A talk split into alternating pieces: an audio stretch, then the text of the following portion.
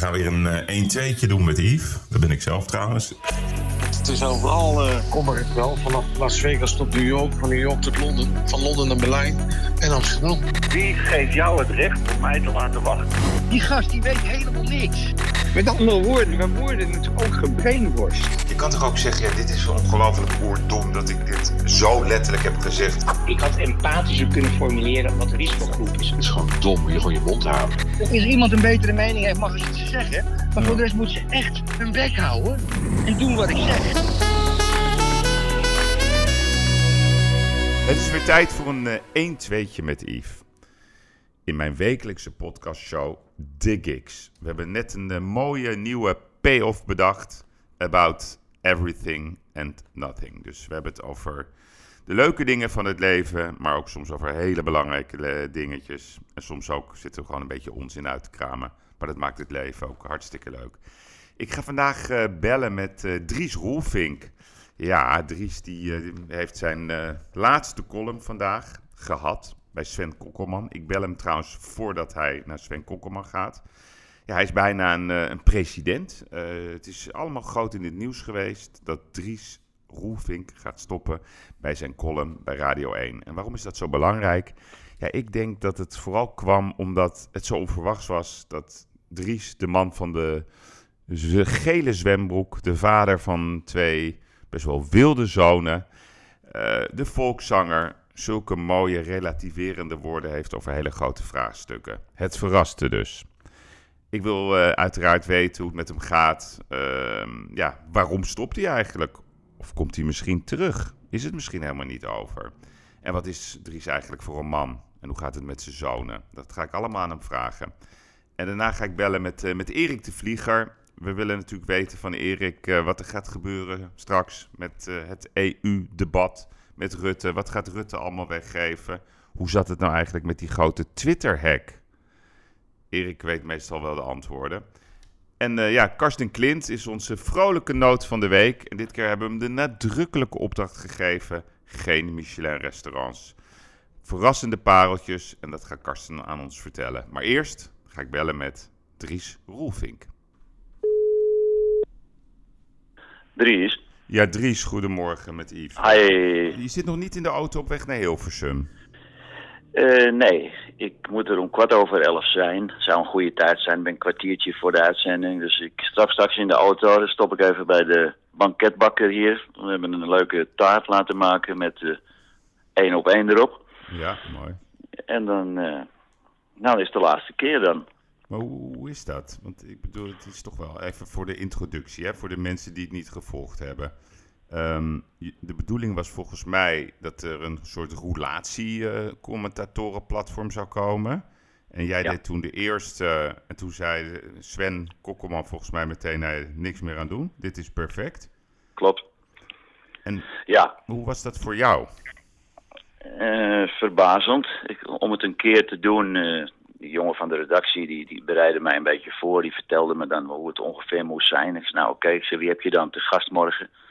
Ja, dat weten wij nog niet. Dat is het punt, zegt hij. Dat beslissen we meestal rond een uur of negen s morgens. We kijken altijd naar de actualiteiten van de dag. Nou, toen belde hij me de volgende morgen. Dat was een beetje kwart voor tien. Hij zei, nou, er is om tien voor twaalf bellen we je dan. En we hebben te gast uh, Jaap de Hoop Scheffer. Oké, okay. eens even kijken, waar moet ik daar nou mee aan, weet je wel? Ja. en, toen, en, toen, ja, ben ik eigenlijk uh, iets op gaan schrijven. En ik had het een keer of vier doorgelezen natuurlijk. Ik denk, laat ik het nou zelf voorlezen, dat je niet voelt dat ik lees. Nou ja, toen had ik het gedaan en toen belden ze me s'avonds terug. Eerst die jongen van de redactie en toen later Sven zelf nog een keer. Hij zei, Dries, dat ging zo leuk vanmorgen. Zou je dat het hele jaar willen blijven doen? Ik zei, hè? Huh? Jeetje, hij zei, ja, kom nou morgen even naar de studio, dan praten we er eens over. En dan uh, er is er ook iemand van de KRO NCFV bij.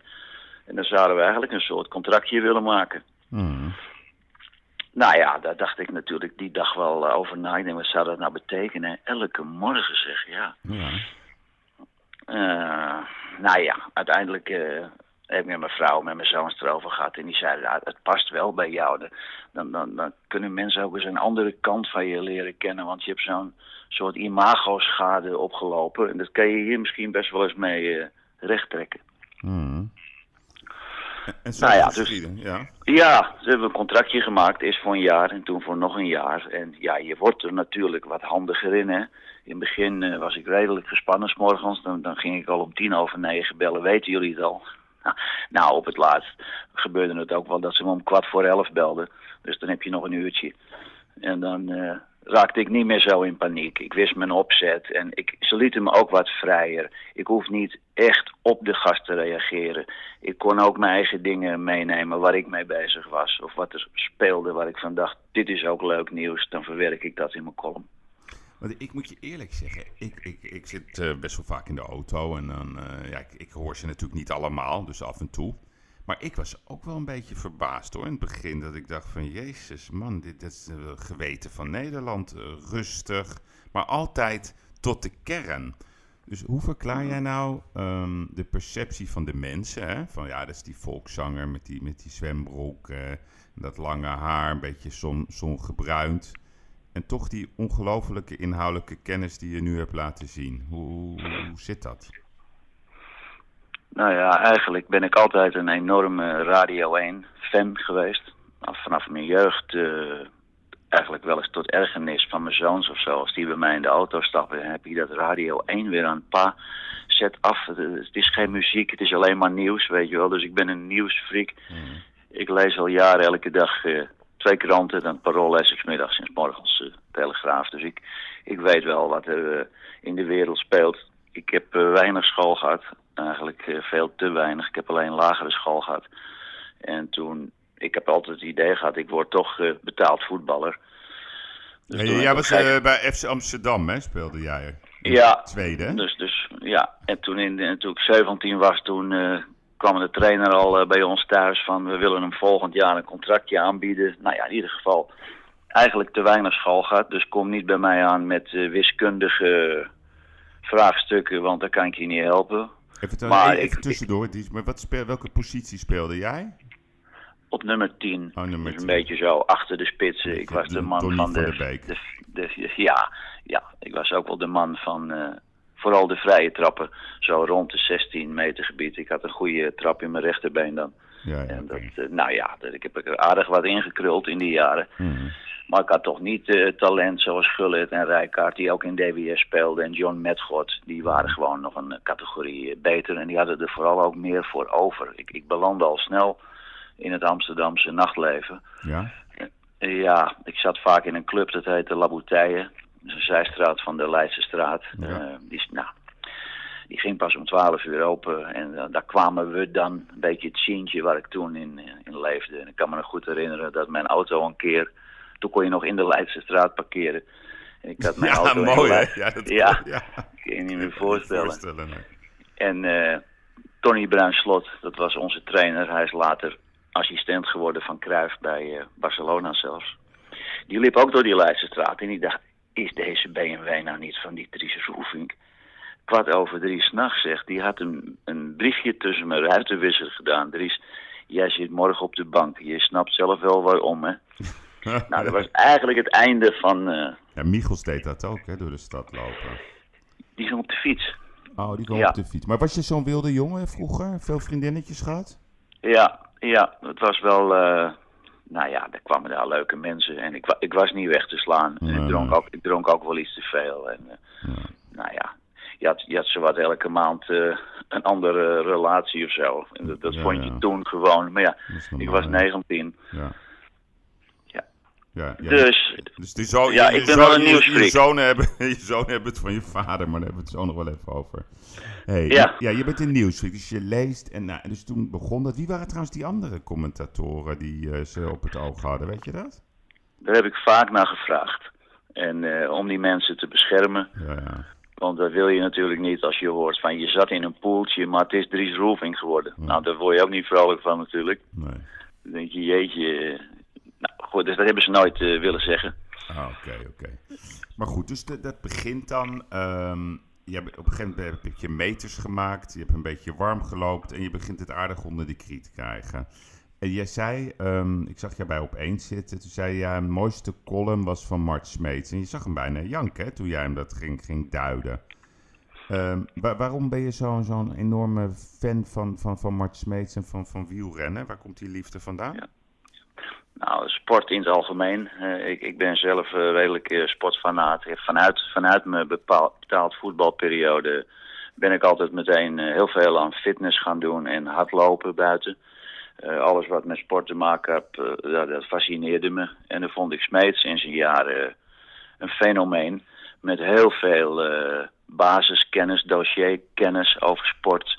Ik kan me herinneren dat bijvoorbeeld na een etappe van de Tour de France... dat hij zonder autocue zetten ze hem gewoon op de middenweg... geven hem een microfoon en die praat dan vijf minuten over de, over de etappe van vandaag en van morgen.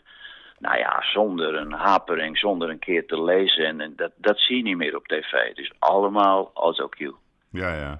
En, en het is toch zo jammer hè, dat in Nederland mensen als ze 65 zijn, dat, dat ze eigenlijk een beetje worden uitgerangeerd. Zo'n Smeet zou je toch eigenlijk bijna willen zien sterven achter de microfoon. Volgens mij zou hij dat ook willen.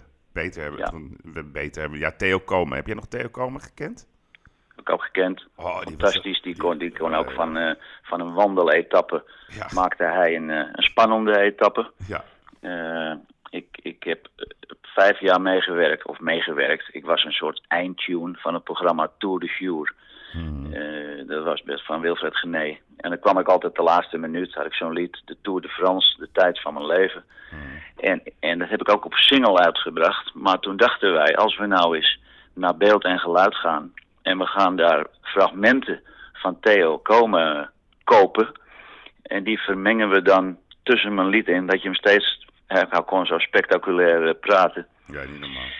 Maar toen kregen we wel te maken met de erven van Theo Komen. Die zeiden, hé, hey, maar dat mag niet. Dan moet je eerst naar zijn zus. Nou, wij naar Noord-Holland.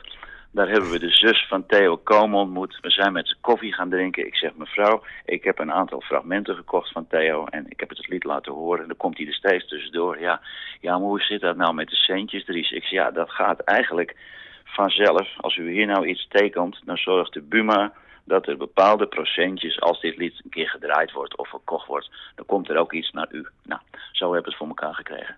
Ja, ja, mooi man. Hey, en, en even naar, naar, gewoon jouw rol op tv. Hè? Want je, zei trouwens net Gené, dus wat, ik dacht meteen, ben jij eigenlijk wel eens gevraagd door Veronica en om daar aan te schuiven? Volgens mij zou die rol jou prima passen. Eh, Veronica Inside niet, maar wel bij Fox hebben ze s'avonds zo'n eh, programma, hebben ze een paar keer gevraagd eh, of ik wou aanschuiven. Maar toevallig was dat, dat is steeds op zaterdagavond. Toen kon ik niet, dus dat niet. Maar echt bij, bij Veronica Inside hebben ze mij nooit gevraagd. Nee, Nee. alleen maar de Tour de Jour. Want waarom, waarom stop je eigenlijk met deze column? Die, snap ik nog niet helemaal. Nee, nou, het is natuurlijk best wel een dingetje. Hè? Dus eh, nou, 2,5 jaar, elke dag, of ik nou op vakantie ben of thuis, of wat ik ook moet doen, je staat op en je voelt meteen, dit moet ik gaan doen. Eh, ik kan niks afspreken, ik ga niet op straat. Jongens, eh, ga de deur uit, laat me even met rust. Ik Ja. word zo gebeld Ja. en ik moet ervoor gaan zitten. Om 12 uur begint mijn dag. Ja, Nou, toen hadden we een evaluatiegesprekje om te kijken, gaan we er nog een seizoen aan plakken? En ik keek zo eens naar eh, Hans Gansenvoort, dat is het hoofd van de KRO en CRV-radio, en naar Sven. Ik zeg, wat denken jullie? Ja, is dit nou een moment om te stoppen of zullen we er nog een seizoen aan plakken, Dries? Ik zeg, het zou kunnen dat er dan een sleet in komt, dat het een sleur wordt, dat het nieuwe is er af. Laten we er een punt achter zetten. Nou, dat vonden ze een knappe beslissing, maar ze trokken me ook niet over de streep van we willen graag door. Dus toen ik dat ook voelde, dacht ik, dus, dit is de goede beslissing. Oké, dus het is een beetje zo mixed feelings eigenlijk, als ik er zo eh, beluister. Ja, kijk, als jij tegen je baas zegt, ik wil stoppen. En, en, en die zegt niet meteen van, nee, maar dat wil ik niet, ik wil je behouden, want we moeten door. Ja. Dan, dan, nou, dan voel je dat je goed zit. Alleen wat er nu de laatste paar dagen gebeurt, dat brengt zowel Sven als mij aan twijfelen. We waren bij op één. Nou, daar werd Sven zo wat aangevallen door allerlei medewerkers en mensen. En die Carrie ten Apel en, en, en, en, en die, die Ab eh, Oosterhuis, die, die zeiden allemaal... Sven, maar hier, hier, hier gaan jullie toch niet mee stoppen, hoop ik, weet je wel. Ja, En toen liepen we naar de auto. En toen zegt Sven, hebben we nou wel de goede beslissing genomen, Dries? Hij zei, nou, laten we het nou zo doen. We stoppen. Maar als we nou allebei het gevoel hebben de komende maanden dat we het missen, zowel jij als wij, dan kunnen we toch op 1 januari weer opstarten. Dan ben jij weer even fris. En uh, nou, dat, dat, daar sta ik wel voor open. Oh, dus het is een beetje een dik advocaatje die uh, stopt, maar die blijft maar terugkomen. Die blijft terugkomen. Ja, ja, je moet geen eindje Davids worden. Maar nee. kijk, als, als ik nou had gelezen en veel had gehoord van, nou, jong, uh, Dries die stopte mij. Nou, gelukkig, want er was toch niks aan of zo. Maar je hoort van iedereen, ik, ik hoor het nou trouwens net ook weer voor jou, Ja. dat, dat het gewaardeerd werd. Ja, ik, ik zeg je eerlijk, uh, het is echt geweldig. Ik heb, ik heb zelfs een keer uh, meerdere keren mijn auto even stilgezet. Was ik bij een afspraak, even wachten. Ja, nee, het, het, heeft mij echt verbaasd. Dus ik, ik was ook een beetje nieuwsgierig van, joh, was het nou jouw call? Maar als ik zo hoor, hadden ze je dus makkelijk over de streep kunnen trekken. Als ze zeggen, kom op drie, gooi er nog een jaartje tegenaan. Ja, ja, ja. ja, ja. oké. Okay, als, als ze twee keer allebei hadden gezegd, dit willen we niet, we willen door nou, dan had ik gedacht, oké, okay, het is pittig, maar dan plakken we er nog een jaar aan. Uh, dus, je, dus je wilt eigenlijk wel door? Dat voelde ik niet. Nou ja, ik reed er naartoe. Ja. Ze wilden dus evalueren. Toen reed ik er naartoe. Zei ik tegen mijn vrouw, ik denk dat ik nu ga zeggen dat het beter is. Uh, en mijn vrouw die voelde het ook zo. Die zegt, ja hè, ja. mensen hebben het nou wel een beetje gehoord misschien Ja, hè. Ja, dat, nou dat was dus niet. Kijk, ik had natuurlijk de afgelopen jaren, Yves, dat weet jij ook, uh, tenminste, tenminste dat, dat, neem ik aan dat je dat ook voelt, een soort imago-schade opgelopen. Uh, door, ja. ja. misschien door mijn uiterlijk, door de gele zwembroek commercial, door een film waar ik in gespeeld heb. En dat je denkt, ja, moet dat nou de man zijn die op Radio 1 mij gaat vertellen hoe de wereld in elkaar zit? Ja. Uh, dat, dat kon me voorstellen dat mensen daar vreemd tegenaan kijken. Ja, toch is dat raar als je erover na, uh, nadenkt. Hè? Dat, dat je wordt beoordeeld hoe je eruit ziet. Uh, dat je een zwembroek aandoet. En dat, wat, wat, Ja. leven, leven we in een vooroordelenmaatschappij? Ja, en vooral het uh, oude zwiebertjes Ja. effect, weet je wel. Je, je doet iets. Nou, jij bent uh, de man van uh, de miljonair verre. Ja, ja, ja, Nou, dat ben jij dan. En als jij nou iets heel anders gaat doen, dan zeg je, ja, maar hij is toch van de miljonair ver. Nou, waarom zou je nou niet anders kunnen doen? Ik, ik, ik, ik, waarschuwde eigenlijk een beetje Hugo de Jonge daarvoor, omdat ik iets zag in hem dat ik dacht, ja, zo ben ik ook een beetje, weet je wel. Uiterlijk, een beetje gel in het haar. Het moet allemaal eh pietje precies zitten. Hij neemt ook wel eens een zonnebankje, dus ik zei tegen hem, eh, ja, zowel op de radio als op tv. Hij heeft een heleboel eh, goede kanten, energieke man, weet je wel. Goed verhaal in huis, je lult hem niet omver. Alleen kijk uit met, ja, met dat glamourachtige wat hij ook heeft. ja, Want dat, dat kan hem, eh, als je hem nou tegenover die eh, omzicht zet, ja. is een heel ander type mens, hè, die je misschien eerder zou geloven. Ja, nou, ik, heb, ik moet je eerlijk zeggen, ik vind dat Hugo de Jong groeit in zijn rol. Ik vond hem ook buitengewoon sterk op dat podium. Heel aardig. Ze bleven maar eh, zagen van, ja, de helft heeft op om zich gestemd en hij bleef maar roepen samen, samen. Ik vond hem wel heel sterk overkomen eh, na die overwinning. Hij ging niet na, na trappen of wat dan ook. Hij zei, we gaan het samen doen. Ik zag om zich wel een beetje zuur kijken. Vond je niet? Hij keek wel een beetje zuur. Ja, ik heb nou een paar keer, want ik, ik, ik, ik heb zelfs al die, vanaf het eerste debat was ik erbij, omdat ik dus politiek verslaggever ben tussen haakjes voor RTL Boulevard. Ja. Spreek ik ze dus eh, regelmatig. En ik was nou bij dat debat eerst met z'n drieën. Toen was ik bij zaterdagmiddag dat Mona Keizer afviel. Ja. En ik heb nou tot drie keer aan toe tranen gezien bij die eh, omzicht. Dus dat, dat, die liggen heel dichtbij. Zodra je maar even raakt, dan, woep, dan staan die ogen vol met water. Ja, hè?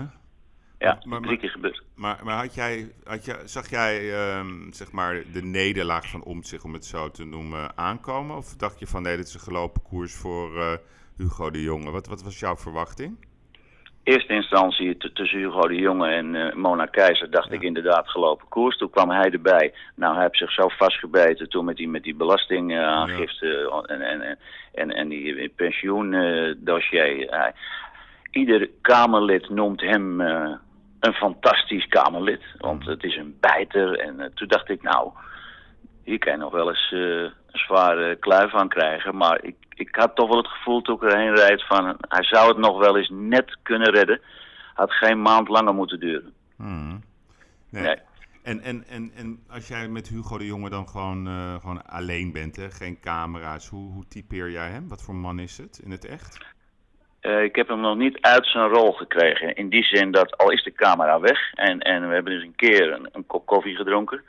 En dat was dan, eh, de camera was al lang weg. Hij blijft in zijn rol als ja, minister en krijgt hem niet helemaal eh ontdooid nog. Zijn vrouw wel, die heb ik nou ook gesproken voor Boulevard. Ja, die is meteen open, anders, eerlijk. En ik zeg, nou gaat u hem nog minder zien, hè? Nou, zegt ze tegen jou gezegd, zie ik hem al bijna nooit. Ja. En ik ben ook iemand met een CDA-hart, zei ze. Dus ik hou ook erg van de partij. Dus ik heb het er graag voor over dat hij, eh, ja, dat hij daar heel veel tijd eh, in steekt. Hmm. Ja, nou ja, ik ben, het wordt spannend. Ik denk dat het nog een gevaarlijke tegenstander wordt voor Rutte. hey, en even over dat, ehm, ehm, want je, je, dat contractje, je had het over contractje, en daar, daar kan je natuurlijk niet een pensioen al aan overhouden aan zo'n column. Hè? Dat is een, een leuke bijverdienst, om het zo maar te noemen, denk ik. Ja, dat is een kleine bijverdienste, laat ik het zo zeggen. Als ik één optreden doe, Ja, dat dacht ik wel. Dan is dat is ongeveer eh, vergelijkbaar. Mijn gage voor één optreden van 30 minuten is vergelijkbaar met een maandsalaris bij, eh, als columnist bij de Cairo. Dus daar kan, je, daar kan je niet van leven. Want wat vraag jij voor een optreden van 30 minuten? 2400 euro. Ja, ja, precies. Want jij hebt normaal, hè? Hoe was, ik vroeg me af hoe corona voor jou was. Jij deed normaal zo'n 35 boekingen per maand. Nou, reken maar uit. En, 30 deed ik het vaak, ja. ja. 30. En, en, en eh, je had helemaal niks. Doet dat jou pijn? Want je hebt wel wat geld, Ja. op, wat reserves opgebouwd, maar het moet niet te lang duren, toch? Nee, nee. Ik heb natuurlijk best wel een buffertje omdat ik al 30 jaar eh, het land door, eh doorrij. Maar ja, je, waar niks bij komt, je weet het. Ik had wel de mazzel dat Boulevard in die eerste weken zei... Dries, zou je voor ons 14 dagen lang achter elkaar op pad kunnen? Hmm. Om bloemen uit te reiken aan mensen met eh, belangrijke beroepen. Dus ik ben bij de zorg geweest. Ik ben bij buschauffeurs, treinchauffeurs. Nou, waar ik allemaal geweest ben. Ik heb iedere dag bloemen gebracht. Dus dat hield me ook nog een beetje bezig. Ja. Dus de, de boulevard is voor mij eh, wel een leuke werkgever. Dat, dat, dat, Ja, dat- beter. daar zou je meer van kunnen leven als van eh, een column. Ja, ja, precies. Want, want ga jij, heb jij andere klusjes? Want ik zie je af en toe ook met die eh, microfoon hengelen daar eh, bij, in Den Haag. Word je politiek commentator voor Boulevard blijvend? Ja, dat ben ik wel blijvend. We hebben een contractje gemaakt voor twee jaar. Oké. Dus ik ga voor hun politiek doen, maar ook wel eens een keer iets anders. Hebben mijn laatste, weet ik het, toen moest ik even naar Frans-Duits. En die bedrijf bestond zoveel jaar. Of, eh, nou, dus ze zetten me iets breder in. Maar als er iets in Den Haag te halen valt, dan eh, ga ik er naartoe. Omdat ze gezien hebben dat die ministers en die politici leuk op mij eh, reageren. En dat, dat is, ja, dat is ook wonderlijk eigenlijk. Ja. Of eigenlijk is het zo dat als ik nou daar kom en Rutte komt naar buiten, dan ziet hij in één oogopslag bijvoorbeeld zes cameraploegen staan. Maar dan denkt hij, ik kies eerst even voor Dries. Want Ja. die gaat mij niet politiek doorzagen, weet je wel. Ja, ik kom met wat luchtigere dingetjes. Nou, en zo willen ze allemaal graag, voel ik bij, eh, bij Boulevard, reageren als, als, als ik ermee aankomt. En de, de redactie van Boulevard zegt, als we een gewone anonieme verslaggever sturen, dan gaat dat veel moeilijker. Ja, ja, nee, precies. Maar de- zeg jouw vrouw dan ook tegen jou bijvoorbeeld... Dries, doe een ander pak aan of, of Ja. kleding. Nou, dat, dat, dat- daar is een jaar of tien geleden al mee begonnen. Wat zegt dat- ze dan? Nou, jij draagt eh, niet de goede kleur eh, jasjes en te felle kleur eh, overhemd. Nou, zij werkt bij uh, ze is daar manager. En, en ze heeft me meteen al mee in die winkel genomen van... nou, mijn hele garderobe werd zo wat weggegooid. Hmm. En toen werd ik helemaal in andere kleding. Dus ja, zoals nu ook. Daar heeft ze zich wel weer eh, mee bemoeid. Dat ze weet, straks komt eh, ook weer shownieuws en boulevard. En die komen naar die laatste uitzending. De Ja. Telegraaf is erbij. Dus dan denkt zij wel na van, eh, heb je wel het goede overhemd aan en heb je het goede jasje bij je. Ja. Wel, niet te geloven, hè? Boulevard, show, nu, het is echt niet te geloven. Alsof je de minister-president bent. Hey, ja, ik ben natuurlijk altijd goed geweest in eh, nieuws maken. Ja, ik vind het wel knap dit. Want hoe, trouwens ook, jij bent je oog zo fit, hè? Hoe oud ben jij? Eh, 61 of zo? 61. Ja. Hey, en hoe kom je aan dat goddelijke lichaam? Zat ik me, dat vroeg ik me af. Er zitten heel veel eh, uren in hoor. Hoewel eh, door corona Ja. is er wel een soort eh, zwembandje onder mijn navel eh, ontstaan. Dus dat, dat zit me helemaal niet lekker. Nee. Eh, maar ik, ik denk dat ik overdreven veel eh, sport. Het er zit een beetje dwangneurose achter. eh, er zit, ja, wat zit er nou allemaal achter? Ik ben een beetje bang om, eh, om er oud uit te gaan zien. Ja, ja. En ik, ik loop al 30 jaar aan die, eh, aan die zware halters te trekken. En kan het niet laten. Ik weet zeker dat als ik vanmiddag bij Sven vandaan kom, het eerste wat ik doe, gaat hier mijn trainingspak aan. En dan loop ik weer naar het sportcentrum. Dat zit er zo ingebakken. ja, maar het is echt knap. Maar heb je wel eens een pilletje genomen? Pillen, nee. nee. Of, Eh, ja, vitaminepillen nee, gebruik maar, ik. En, een en, beetje en proteïne gebruik ik. Nooit doping geprobeerd? Nee, nee, nee. dat zijn andere wielrenners ook altijd. hè. Nee, nee, nee. Ja, dat is altijd een taboe, hè? Ja, Ja. Nee, maar dan had ik er anders uitgezien, hoor. Als je daaraan gaat beginnen, Ja, dan, dan, dan krijg je opeens twee maten groter eh confectiemaat. ja, maar nooit geprobeerd ook. Nooit dat je dacht, nou, even kijken, een beetje eh, testen hoe dat werkt. Ik heb wel eens in de verleiding gestaan in mijn jeugd, dat ik met jongens trainde. Ja, En als je dan samen zo'n jaartje traint, dat ik dacht, wat is hij gegroeid, weet je wel. ja, Maar bijna niemand eh, bekent dat. Nee, nee, dus- nee. Maar ik ben aan de andere kant weer zo bang voor alles. Voor, voor, voor, ja, ik ben een soort hypochonder. Als ik buikpijn heb, denk ik het ergste. Als ik hoofdpijn heb, denk ik ook het ergste. Dus ik neem niet gauw wat in. Ik heb nog nooit één sigaret gerookt. Ik heb nog nooit kook gebruikt. Ik heb nog nooit een pilletje, een ecstasy-pilletje of zo. Het enige wat ik wel te veel doe, is wijn drinken. Dat Ja, is mijn ding. Oké, maar ja, je bent dus je bent echt een kind van de CDA, als ik je zo beluister. Hè? Helemaal keurig, bijna gereformeerd. Ze hebben me benaderd, hè? Ja. Ja, je was gevraagd hè, als CDA-raadslid voor Amsterdam. Maar ik dacht, jij bent de ideale man als lijstduwer straks voor de verkiezingen. Ben je nooit door iemand anders gevraagd, door een andere partij?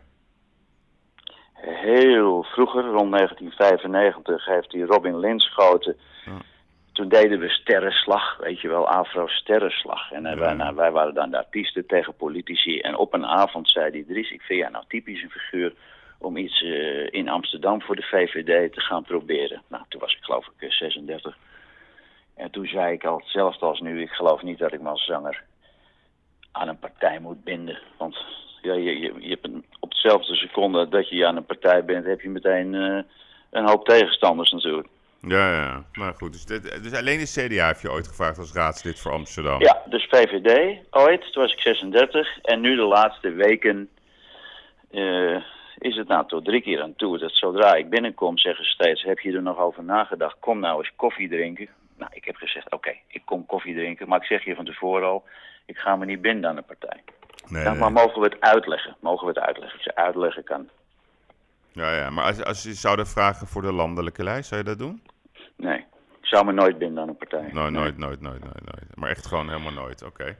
Niet verstandig, Yves, denk ik. Nee, nou ja, dat lijkt me ook. Ik, ik weet niet of, of, je, of je type voor bent. hey, en je bent ook vader, hè? Weet je wat, mijn vrouw die zei vanochtend tegen mij... Vraag hem eens even, hoe vaak ligt hij wakker per maand... over zijn twee testosteronzonen, zoals jij dat laatst noemde? Ja. Eh, zijn wel eens periodes dat ik inderdaad... eh, ik zal niet zeggen dat ik er nou de hele nacht mee bezig ben... maar dat je wat moeilijker in slaap valt. Dat je denkt, jezus, wat zal ik toch blij zijn... als we een jaar of vijf verder zijn.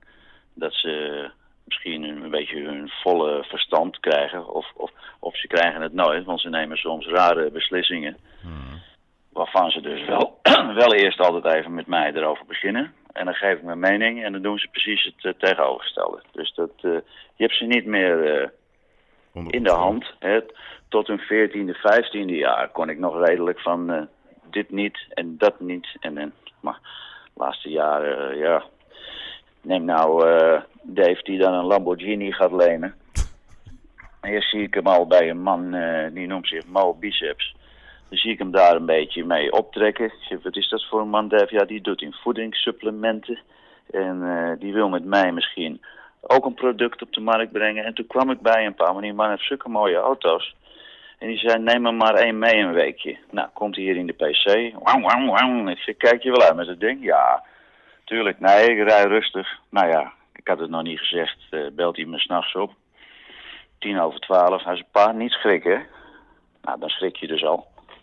Ja. Hij zegt, ik heb eh, op het Leidseplein heb ik nou een paal geraakt met die Lamborghini. Ik gleed een beetje weg en eh, Nou ja, die hele auto ligt in elkaar. Ik zeg, nee, haal nou toch eens op, zeg. Ja. Nou ja, dat loopt dan weer met een sisser af. Hij brengt die auto terug. En die jongen zegt, nou gelukkig heb jij niks, Dave. En een auto is maar een auto. Ik ben goed verzekerd. En eh, nou, die, die zegt uiteindelijk nog, jeetje, wat heb ik een volgers erbij gekregen, zegt door jou, Dave. Ik heb 40.000 volgers. Kun je niet nog een keer een paal uit de grond rijden? Dat gaan ze nog- gaan dat ze zei nog Mo, bollen ook. Mo Bicep, zei dat. Ja. Ja. Hey, maar, maar jouw zoon, hè, zijn dat nou jouw, jouw vriendjes? Of ben je echt de vader voor hun? Bellen ze je alleen maar als, je in de als ze in de problemen zitten? Hoe werkt dat? Hoe vaak bel je met ze bijvoorbeeld per week? Eh, de basis is toch wel eh, die sportschool. En dan een restaurantje. En dat doe ik dus eh, nou een beetje om en om. Hmm. Eh, allebei hebben ze vaak morgens zoiets. Pa, pa, hoe laat ga jij trainen? Nou, dan zeg ik, eh, ja, na mijn column. Oké. Nou, dan kom ik met je meedoen vandaag. Nou, en dan, en dan is het vaak daarna, waar eet je? En eh, zullen we naar Brochet gaan bijvoorbeeld? Daar zitten we vaak, hè? Of ik zit Ja. vaak in het Apollo Hotel, Dynasty. We hebben van die vaste dingetjes. Ja. Nou, dan komen wel de gesprekken op gang. Bijvoorbeeld mijn jongste zoon, die heeft een vaste relatie sinds nou, een klein jaartje. En zijn meisje is eh, een jaar of zeven ouder dan hij, nee zes. En die begint nou al van, eh, nou dit is nou echt eh, de vrouw van mijn dromen. En dat is ook mijn toekomstige vrouw. Dus je moet er wat beter leren kennen. Dan wil hij dus dat wij er meer eh, betrekken in de familie. Want dit gaat er worden. En ja, wij hebben zelfs wel eens over kinderen gesproken. Zeg, God, Don, je bent 22. Is dat niet... Nou, dan zegt hij meteen, ja, maar jij was 21 toen je vader werd. Ik denk, oh ja. Dat is dus ook nog gebeurd. Ik heb nog een dochter. En die heb ik gekregen op mijn twintigste. Ja, ja. Ja. Nou ja, en Dave, die, eh, die is momenteel vrijgezel. Eh, die is gelukkig eh, vlak voor corona heeft hij zichzelf ja, gezegd van ik moet anders. Ik, ik begin met geen alcohol meer. Nou, als het geen alcohol is, dan is het ook niet meer zo laat. En dan komt hij ook niet eh, in, in die tenten dat ik denk, god hoe laat was je thuis? Om zes uur pas. En dan hou je je hart vast. Dus die is maandenlang nu, ik klop het af, goed bezig. Alleen eh, moet geen sportauto lenen. Nee, nee, nee, precies. En, en, en wat vra- vragen ze ook aan jou, aan jou bijvoorbeeld? Pa, wat vind je dat we moeten doen in onze carrière? Vragen ze je om carrièreadviezen? Steeds minder. Ik heb ze in contact gebracht met eh, Frank Wisse. Ja, die Dat ken is, ik. al- nou, dat is onze manager van de hele familie, zowat nu. En, eh, dus ik stuur ze vaak door naar hem. Natuurlijk zit ik er ook wel eens bij. Maar die hele wereld van hun speelt zich af via Instagram. Ja. Eh, ze hebben honderdduizenden volgers en daardoor willen merken zich aan hun binden. En ze verdienen soms op zo'n makkelijke manier geld. Dan denk ik, wat heb ik vroeger altijd hard moeten werken. Hmm. Nou belt er iemand naar Frank en die zegt, eh, nou, ik, eh, ik heb een merk van een geur. Of, of laatst had, was het dan eh, met die onderbroeken bij de Lidl. Ja. Nou, we maken met een lijn. Dave en Donny ondergoed. Sokken erbij geloof ik. Een petje, een hele lijn. En dat gaat Lidl dan brengen. Alleen maar omdat ze dus denken, bij elkaar hebben die gasten zowat een miljoen volgers. Ja. Dat kan eh, interessant zijn. Dus daar draait het om bij hun Instagram. En dan ben ik veel minder in thuis. Ik heb 40.000 volgers en dat is voor mijn leeftijd nog aardig wat. Maar daar kan je niet eh, van leven. Nee, nee, maar zij kunnen gewoon leven dan zeg maar eh, met, van zo'n dealtje met de Lidl. Dat is voldoende. Dat is al gewoon een jaarinkomen bij wijze van Dat zijn eh, aantikkers hoor. Ja, dat zijn echt aantikkers. Dat, eh, daar moet ik... Maar is dat een tonnetje de man of zo? Dat soort bedragen? Zit je aardig goed. Ja, Ja, aardig goed. Ja, Ze nee. zullen het me kwalijk nemen als ik precies bedragen noem, maar jij zit er niet ver naast. Nee, dat eh, precies. En, en, en, en bijvoorbeeld wie van de twee is, eh, want eh, dan maken ze ook weer ruzie met elkaar. Is dat dan een. eh, een, een, Ze hebben vaak ruzie. maar ja, is dat echte ruzie of is het ook af en toe een beetje dolle? kan soms wel eens twee weken duren. Dus heb je Don nog gezien, nou laat die maar eventjes, die doet zo raar af en toe. Of dan hoor ik het weer andersom. Pa, Dave, die, eh, die snapt dit niet hoor. En die, die is zo eigenwijs en, eh nou, weet ik veel. Maar Ja, ja, weet Maar je wat het is, als, als het erop jongens. aankomt, ja. dan eh, als er een van de twee, eh, weet ik het, ruzie zou hebben of, of, eh, of echt in nood zit. Als het erop aankomt, zijn ze er wel. voor elkaar. Ja, precies. Maar ze slaan elkaar ook wel eens de hersens in elkaar, of dat niet? De laatste jaren niet. Vroeger ben ik er vaak tussen moeten springen. En toen kon ik ze nog handelen. Ze zijn tegenwoordig allebei behoorlijk eh, groot en sterk geworden. Dus dat wordt ook lastiger. Maar toen ze een jaar of 13, 14 waren, was dat... ja, dat was elke keer zeg als ik Ja, boven maar, kwam. Ja, al die jongens. Ja, ik heb ook twee jongens. Ja, dan liggen ze boven op elkaar en daarna, Ja. gaan, ze, daarna gaan ze een spelletje doen. Ja, raar hè? Het zijn net, net honden. En wie is de sterkste van de twee? Don of Dave? Dave is nog steeds eh, iets sterker. En Donnie is fitter. Ja, ja, ja, oké. Nou ja. Dus de pot, als, het, eh, als het gevecht eh, kort duurt, dan wint David. Als het een lang gevecht wordt, dan wint Donnie het. Maar, het is wel, maar wat wel leuk is, is Don, Dave en Dries. De drie D's. Je hebt de drie J's. Hebben jullie, Deze, ja. hebben jullie daar wel eens wat mee gedaan? Nee, een goed idee. Dan gaan we dan met, eh, bij Frank Wissen neerleggen dit. Ja, ja. die Maar- D's nog iets. Ja, alleen Frank die golft te veel. Ik zie hem wel eens op de golfbaan. Ik zeg, je moet werken Frank. Je moet eh, je artiesten eh, ideeën brengen. Zeggen wij ook altijd. Ja? En nou is hij eh, naar Ibiza. Ja, dus ja, wij zeggen, hij gaat niet zo gek veel weg. Hoor. Maar ja, en als hij dan weggaat, dan zeggen we... Oh, dan gaat hij weer op vakantie van ons geld.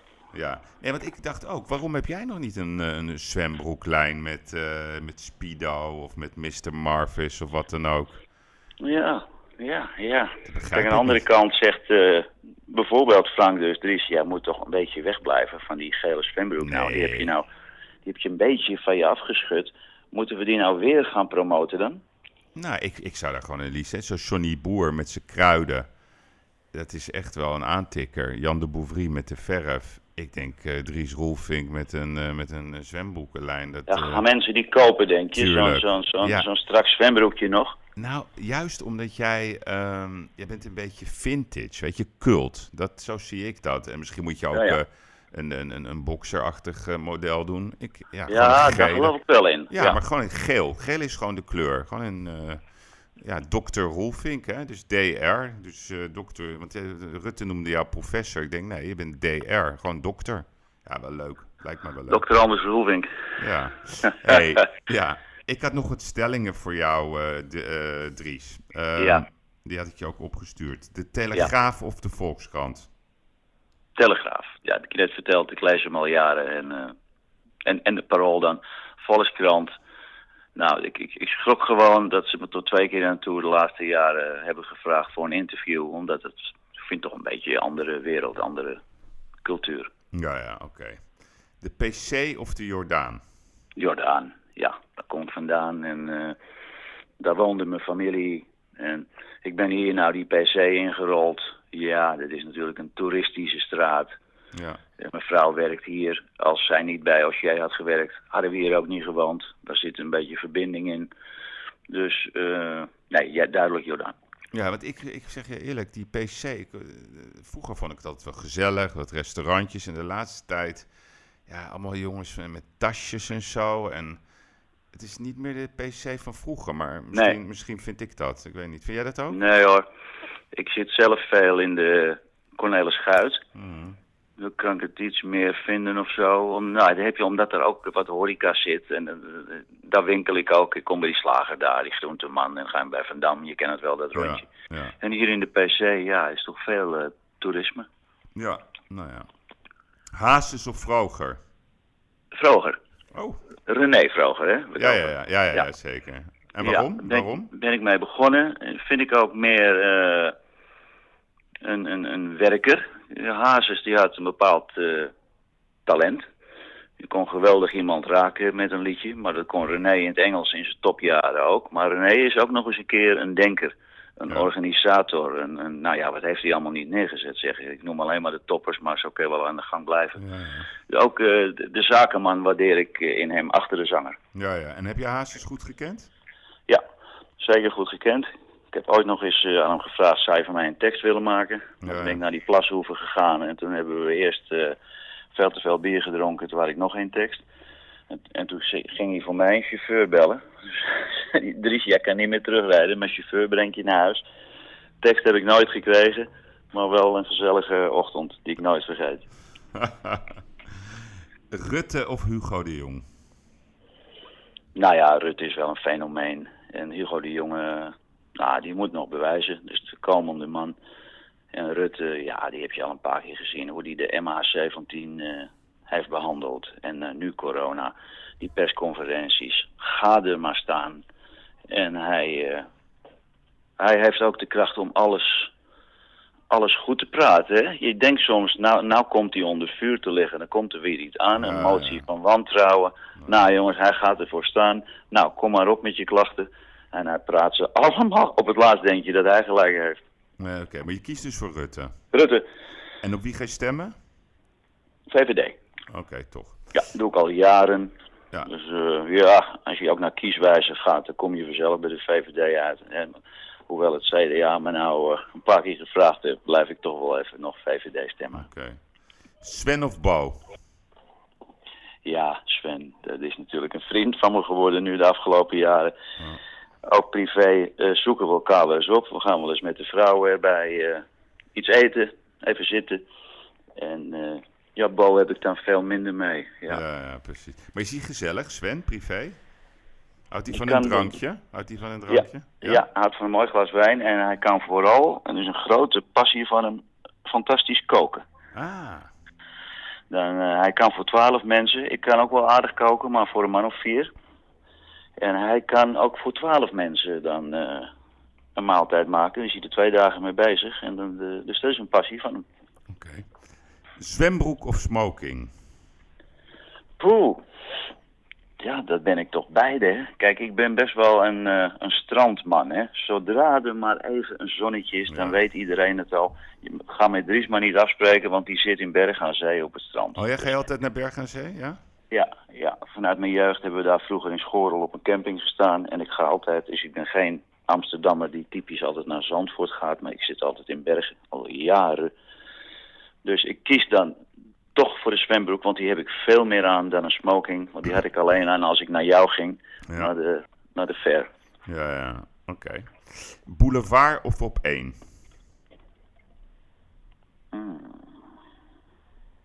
Boulevard. Ja, voel je daar toch meer senang bij?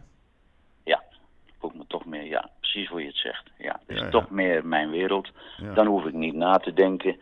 Dan kan ik 100% mezelf zijn. En op één moet ik me gaan verplaatsen in een andere wereld. Oké, dus dat is toch een andere wereld. hey, en dan, ja, want jij zei, je had het net over imagoschade. eh vooroordeel of oordeel?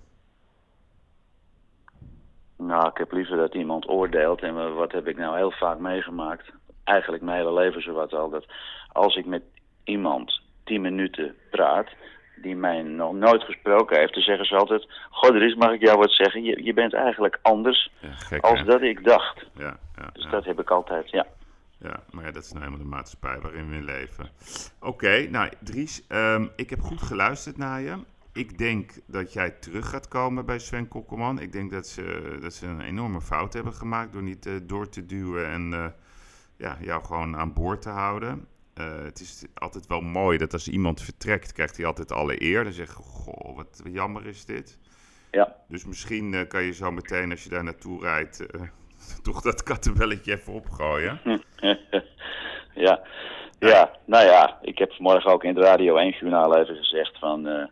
ik acht het niet onmogelijk Nee. dat ik 1 januari terugkom. Ja, Ik acht het niet onmogelijk. Nou, ik heb ervan genoten en eh, ik hoop dat je, dat je, dat je het eh, nog lang blijft doen. En eh, ik wens je ook een mooie dag. Het is een beetje een soort verjaardag, hè? Vandaag lijkt het Ja, wel. zo voelt het wel. Ja, hè? Ik ga zo de taart ophalen en dan, Nou, heel nou, goed. dan gaan we daar een beetje de pers te woord staan. En dan ga ik even met Sven nog eh, babbelen, het laatste kwartier van het programma. Dus probeer Ja. even mee te luisteren. Heel goed, ga ik doen. En ik had nog één vraag aan je. Ik ga zo bellen met Erik de Vlieger. Dat is eh, onze vaste bedweter uit eh, Portugal. Ken jij Erik of niet? Ik heb hem nooit ontmoet, Oh, dacht nooit? ik. Ja, ik ken hem Ah. natuurlijk wel. Ik zie hem zo voor me qua naam, maar Ja, ja. niet ja. ontmoet. Hij doet het goed weer hoor in Portugal. Want ik dacht, heb, Leuk. Je, heb je misschien nog een vraag aan hem? Dan open ik daarmee. Aan Erik de Vlieger zou ik willen vragen, eh, hoe, hoe kijkt hij naar eh, de prijzen van de huizen in Amsterdam, van de panden? Hoe gaan zich die de komende jaren verhouden? Blijven Oké. die stabiel of wordt het nog duurder? Oké, ik ga het hem vragen. Oké, Dries, dankjewel. En een, een, een fijne Oké, dag. dank je. Bedankt hè. Bye bye. Fijne dag Ja, nog. Bye bye. Nou, ik heb in ieder geval eh, een, een mooie vraag gekregen van Dries voor Erik. Dus daar ga ik eh, uiteraard eh, mee beginnen. Dus tijd voor Erik de Vlieger.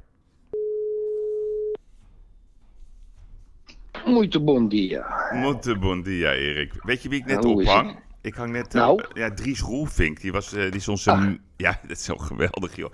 Die is toch die commentator bij Sven Kokkelman? Heb Ja, dat? Ja, ja. dat doet hij echt Ja, heb ik geweldig. nog niet gezien. Ja, Ja, nee, Was en- het gezellig? Ja, het was heel gezellig. En, en het geestige is, hij, hij stopt daarmee. Maar iedereen dacht natuurlijk, ja, die man heeft helemaal geen mening. En dat is een beetje de maatschappij waarin we leven.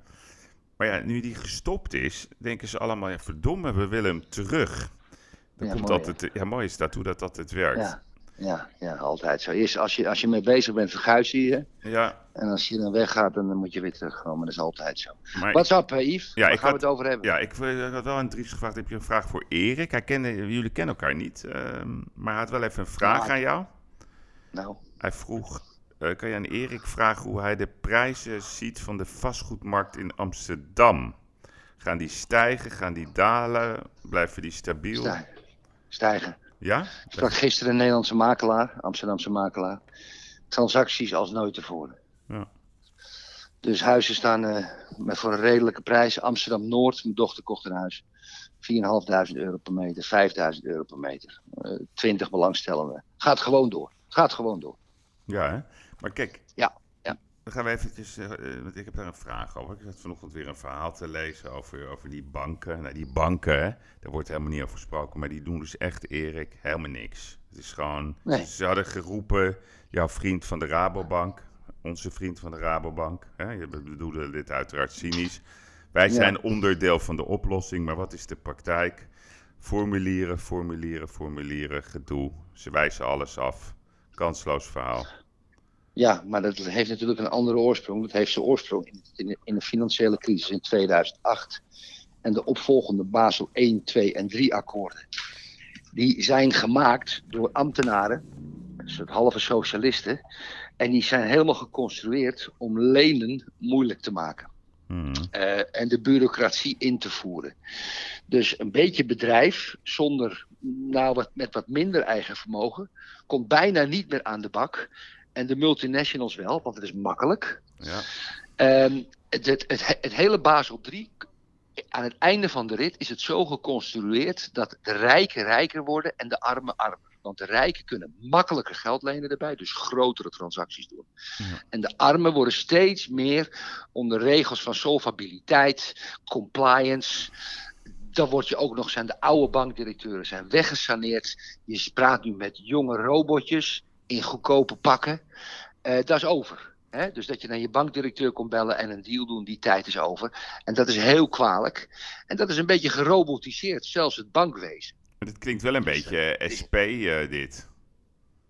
De rijken Ja, maar het is de worden- waarheid. Ja, maar wat zijn de rijken? Kan jij eens uitleggen? Ja, maar de rijken worden ook. Ja, maar dat wie zijn dat? Ja, weet ik wel, maar wie zijn de Dat zijn rijken? de grote multinationals. Dat Nee, zijn de grote multinationals, grote bedrijven. dat De mensen het. met heel veel geld die grote transacties willen doen. Die kunnen veel makkelijker lenen, Ja. want de loan to values. Ja. Hè, eh, je krijgt 60, 70 procent gefinancierd op transacties. Dat ligt er nou maar net aan. Dus op een transactie van 100 miljoen moet je 30 miljoen meenemen, 40 miljoen meenemen. Ja. Dat hebben de meeste bedrijven of vastgoedhandelaren niet. Nou, dat houdt dus in de mensen die het wel hebben, makkelijker ehm, de transacties doen. Dus dat is een heel logisch verhaal. ja, nee, dat begrijp ik. Maar ik vind altijd de rijken. Hè, dan denk ik altijd, ja, wie zijn dat dan? In mijn belevingswereld zijn de rijken sowieso die, die multinationals met al hun eh, trucendozen via al die eh, be- belachelijke belastingen. Ook individuele, Yves. Ja, ook en, individuele. ja, en natuurlijk die families. Dus de Brenningmeijers, de Ventenen van Vlissingen. Ja, ja, ja, maar kijk Yves, Ja, ik zou jou vertellen, er lopen 250 vastgoedhandelaren in, in Nederland rond. Laat ik even 150 in Amsterdam. ja. Die hebben altijd huisjes gekocht op de veilingen. Die hebben nooit wat verkocht. Die hebben 300, 400 deuren. Daar hebben ze aan geld in zitten 30 miljoen. Dat is nu wel 150 miljoen waard. Ja, Want de zeker. prijzen zijn van 2000 euro in, in pak een beetje 15, 20 jaar naar gemiddeld 6, 7000 euro gegaan. Die hebben vanuit hun huur hebben ze afgelost op de leningen. Vaak geleend door de FGH-bank. Wat uiteindelijk weer Rabobank is geworden. Wat uiteindelijk weer die portefeuille is verkocht aan een Amerikaan. Want Rabo ging, stond natuurlijk, was technisch failliet in 2009, 2010. ja. Dus er zijn ook een groot aantal individuele mensen die we eigenlijk niet goed kennen, Yves. Die Hm. lopen toch weer leren jackies. Die, die, die zijn bijna. Die komen niet op de voorgrond. Als je in de voorgrond komt in Nederland als onder het goedhandelaar, krijg je de fiscus natuurlijk op je dak. Quote. Eerst krijg je quote op je dak, Ja. dan krijg je de fiscus op je dak. Ja, die, werken die samen, denk jij? Denk je dat die samenwerken, die twee? Nee, maar die lezen het allemaal. Ja, maar denk je ook wel eens dat ze, dat, ze, dat ze Haarlemmerdijkjes doen met elkaar? Nee, maar kijk, weet je, toen, toen Donner minister van Justitie werd, zeg maar begin van de eeuw, en toen, toen die onroerend goedhandelaar zich ging, onroerend goedhandel zich ging misdragen, dat houdt in een, een, een bedrijf met een secretaresse en, en, en eh, die, die, die een transactie deed van 80, 90 miljoen, die daar 20 miljoen aan verdiende. En die zich toen lieten fotograferen dat ze een Boeing 737 met een familie hadden gehuurd om, om hun dochter te laten trouwen in Ibiza. En de quote dat afdrukte, ging mannen zoals Donner, hier Balien, ja, die gingen erover morren. Dat snap ik ook wel. Hmm. Ja, dus hè, dat ze drie, vier mensen maar zo weinig geld verdienen en eigenlijk niet bijdragen aan de maatschappij, dan, dan, ga, je, dan ga je weerzin opwekken.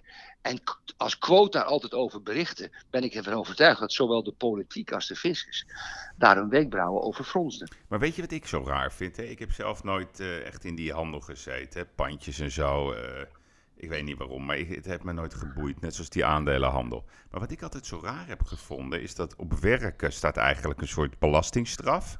Maar als jij gewoon eh, eh, pandjes doorverkoopt, is het gewoon belastingvrij. Waarom, waarom heffen ze daar niet een soort, soort eh, ja, tax op? Nou. Dat is toch eerlijk? Dat is niet waar. Pandjes is niet belastingvrij. Kijk, de wet zegt als volgt. Je kan één keer privé een pand kopen Ja. voor jezelf als huis. Ja. Dan verkopen en dan hoef je geen belasting te betalen. Maar als je het twee of drie keer gaat doen, dan, dan is het je bedrijf. En dan gaat de fiscus je eh, belasting heffen. Maar Doe je dat in een VPB. vennootschap? Ja, een soort nee, dat is inkomstenbelasting. Hè, en, en, en, en box 3 als je ze houdt, maar als je gaat verkopen, dan ben je een bedrijf. Dan ben je Ja, hetzelfde bedrijf als, als een handel in planten. En als je het in een vennootschap doet. Kijk, vroeger had je altijd het wapen van de vervangingsreserve. Nou, dan ga ik een beetje technisch worden. Je verkoopt een pand voor 4 miljoen, verkoop je door voor 6 miljoen. En dan koop je binnen 4 jaar koop je een pand van 6 miljoen, maar die heeft dan een boekwaarde van 4 miljoen. Maar dan hoef je geen belasting te Nee, maar betalen dat bedoel ik. over die 2 Dat- miljoen. Ja, die 2 Ja. miljoen. Maar dat is weg. Dat Ja. is weg. Dus Ja. als je nu gewoon in een vennootschap een pand koopt en verkoopt, het ontwikkelen en je maakt winst, moet je gewoon VPB betalen. Prima. En die is niet zo hoog, die is zo om, om de 25% in Nederland. Vind ik terecht. Nee, oké, maar daar kunnen ze natuurlijk mee schuiven. Dat weet je ook. Daar wordt natuurlijk met alle, alle manieren. Ja, de fiscus, de fiscus is, is, dat, is dat, dat, Ja. dat schuiven is echt moeilijk hoor, Yves. Want ze komen echt, dat, dat gaat niet meer zo hoor. Nee. De fiscus is niet meer op zijn achterhoofd gevallen. Daar zitten gekwalificeerde mensen. Hmm. En ik denk niet dat je daar zomaar mee wegkomt vandaag de dag. En terecht. Ja, nee, vind ik ook. Hey, en, en bijvoorbeeld even gewoon een oplossing. Hè. Ik zat zo te denken, al dat gedoe met die hypotheken. Jonge mensen, het is bijna onmogelijk voor hen om een hypotheek te krijgen. Ik begrijp oprecht niet, Erik, met de rentestand, laten we zeggen 2%. Nou, huizen in, in de grote steden zit je toch vaak op appartement op 3 ton of op 4 ton. Dat is maar, op basis van 2%, is 8000 eh, rente per jaar. En dan krijg je ook nog wat terug als je werkt.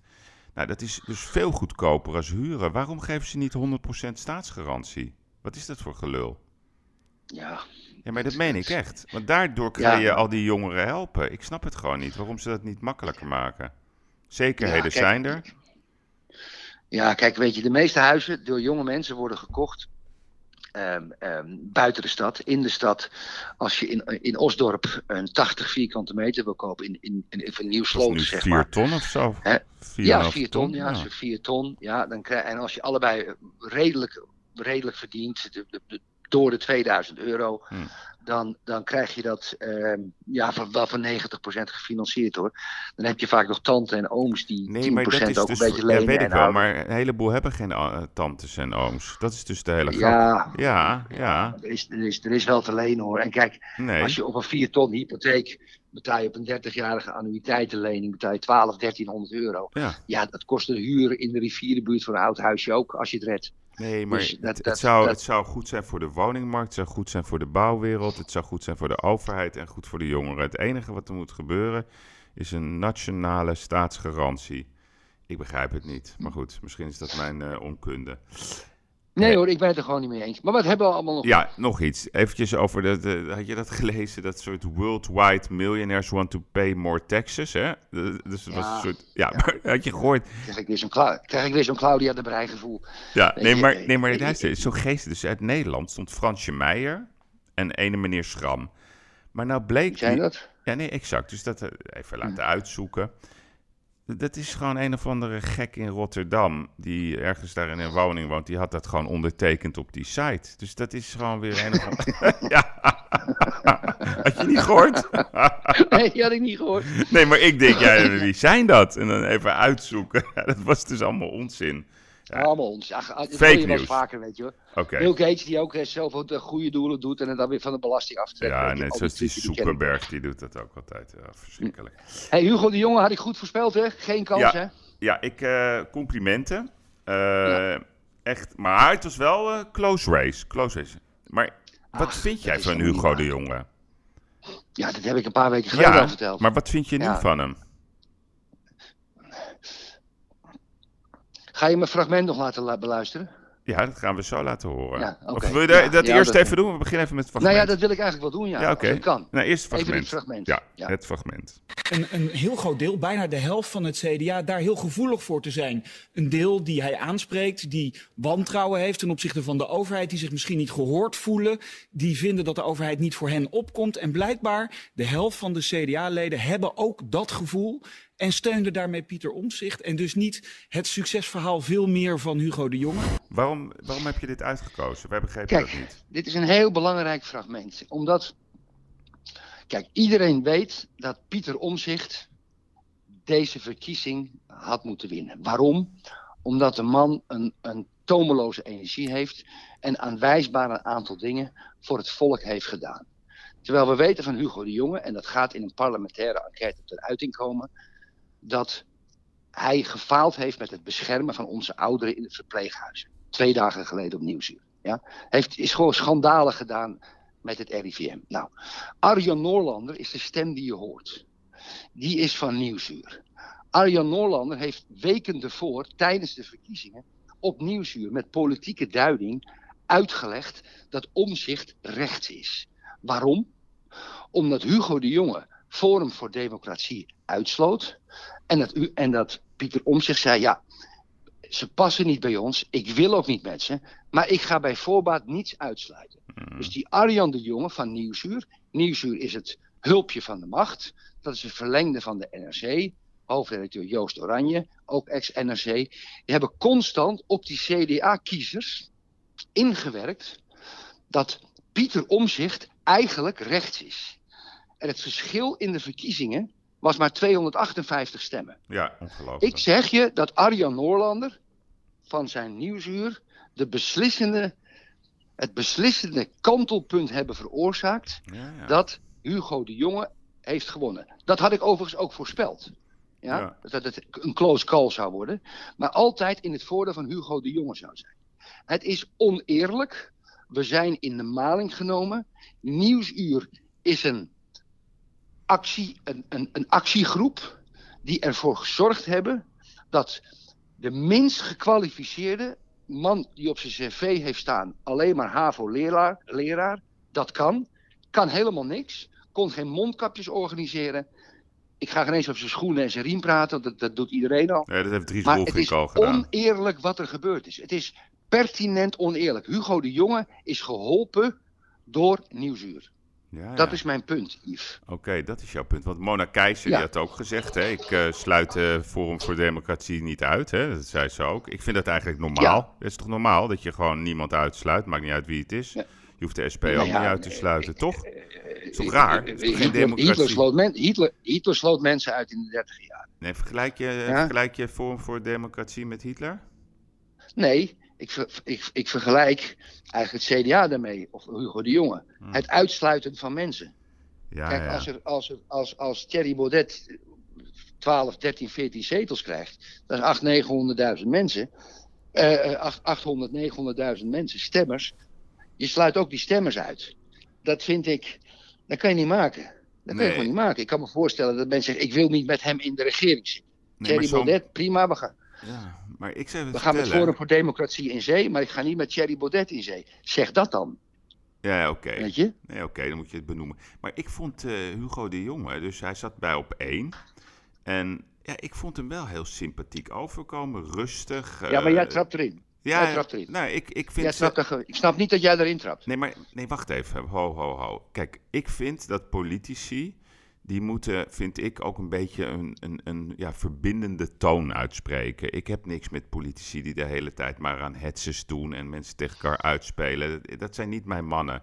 En ik, hij maakt op mij wel een hele sympathieke, rustige indruk. En uiteindelijk zijn het de ambtenaren, Erik, en dat weet je ook, die het werk moeten doen. Dus ik vind, ik Nee, vind zijn toon wel Nee, prettiger worden. Yves, luister nou. We hebben twee dagen geleden, nadat de verkiezingen bekend waren, op Nieuwsuur een vernietig, vernietigende reportage gezien over het wanbeleid van de overheid met betrekking tot het beleid in het verpleeghuis. Er zijn aantoonbaar een paar duizend mensen te veel gestorven. De man die daar verantwoordelijk voor is, is Hugo de Jonge, minister, eindminister. Net als jij verantwoordelijk voor je bedrijf bent en ik verantwoordelijk voor mijn bedrijf ben. Hugo de Jonge is een hele glijerige uitlegger. En jij trapt in die mooie woordjes van die jongen. die kan alles uitleggen. Ja, maar dan is Bruno Bruins, want die, daar begon het mee. Haho. En Rutte zijn net zo verantwoordelijk als Hugo de Jonge. Het is toch een groepie. En het RIVM is net zo verantwoordelijk, hè? De deskundigen, zoals ze heten. Ja, natuurlijk. Maar jij vindt dat, de kop- parlement. koppen moeten er meteen rollen. Nee, ik ben niet zo van, ik ben niet zo van hij moet weg, hij moet weg. Ik, ik, ik duid alleen maar waarom ik vind dat Hugo de Jonge een niet capabele man is op zo'n plek. En ik denk, als je ook voor de, C- voor de CDA, en dat vind ik een gemiste kans. Ik denk dat ze met, het- met Pieter Omzicht ook heel veel stemmen hadden kunnen winnen. En niet met Hugo de Jonge. Dus ik vind het ook heel raar. Ja, maar zoals ik je al zei, de groep Donner, Hiers Berlin, de oude CDA-dinosaurussen, zouden nooit toestaan dat Pieter Omzicht toch een beetje een onruststoker eh, aan de macht kwam bij de CDA. Dus dat vind ik ervan, Yves. Oké, maar aan de andere kant, ik, zie, ik vergelijk hem een beetje met Jumbo-Visma. Die hebben ook drie kopmannen straks in de Tour. Roglic, Kruiswijk en Dumoulin. Zo zie ik het CDA ook. Je hebt Hugo de Jonge, je hebt Hoekstra en je hebt Omtzigt. En dan heb je nog op de achtergrond Mona Keizer. Ik denk dat dat best wel een sterke combi is hoor, straks. Of zie ik dat verkeerd? Vind jij niet? Want komt die rechtse partij er nog? Je had vorige week geroepen, er komt een rechtse partij binnen een maand. We zijn nu een week verder, dus ik wacht met smart eh, drie weken af. Gaat het door? Niet. Ik heb je nog, ik heb je nog zes uur later een, een zes uur later heb ik je een WhatsApp gegeven. Toen Richard de Mos op vrijdag bij, ehm, bij Boos had en dat hij zijn nieuwe partij aankondigde. Oh, met een aantal grote kopstukken. Oh, was het Richard de Mos? ik, ik, ik, Oh, ik had verwacht dat je me. Ik, Oh, sorry. ja, ik had verwacht dat je me een, een, een hartje zou sturen via de WhatsApp. Oh, ik heb het niet. Ik had je wel zondag gebeld toen ik naar het eh, racisme-debat eh, reed. We even een beetje babbelen, maar je nam niet op. Had je dat nog gezien trouwens? Nee, nee. Het nee, was ook helemaal geen naar, debat. Nee, maar het Nee, was... Het kijk- was, het was. Ja, echt Erik. Ik ben naar Rotterdam gereden. Het was een pitch. Het was helemaal geen debat. Sowieso vind ik racisme Nee. geen debat. Ben je echt geweest? Ja, ik ben echt geweest, ja. Het goed, het goed dat je dat Ja, doet. nee, dat vind ik ook belangrijk. En weet je wat zo jammer Ja. is? Ik zei, eh, ik, ik, de mooiste gesprekken, die vinden plaats voor de uitzending, op het buitenterras met een sigaretje. Ja. En daarna. En ik sprak Ja. die, die, die, eh, die Farid Assakan, die staat ook in het debat. Nou, hij zei geen onzin, moet je zeggen. En het was best een aardige gozer. Ik zei, doe nou eens wat rustiger. Doe nou wat... ja, ja, nee, ja, is zo- altijd boos. ja, altijd boos. altijd boos. Ja, en, en, en er waren, had allemaal vrienden en die zeiden, ja, doe precies, luister naar die man, zei ze. ja, ik zeg, joh, dan dan krijg je veel meer stemmen, we moeten het toch met elkaar doen. Ja, ik, ik moet je zeggen, dat als je dan daarna zit te praten, is veel leuker. Dus ik had die Shula Rijksman, had ik een mailtje gestuurd, die is de baas van de Ach, NPO. Ja, ja. nee, maar eerlijk, moet je luisteren. Ja, ja. ja, ja, dat wil ik horen. Ja, dus ik had een mailtje, maar dan kom je bij die woordvoerder terecht. Nou, dus ik zeg, ik wil gewoon eens een keertje jou vragen stellen over de inhoud van het debat op tv. Ik zou het veel fijner vinden als we een keer praten over de pijnpunten. Wat zitten mensen nou echt dwars? Waar, waar moeten we naar luisteren? Hoe kunnen we dingen samen veranderen? Maar dat willen ze helemaal niet, Erik. Nee, natuurlijk niet.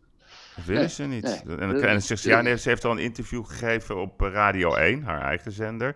En dan nog een meisje eh, van 3FM, nou, die had ze zelf daar neergezet.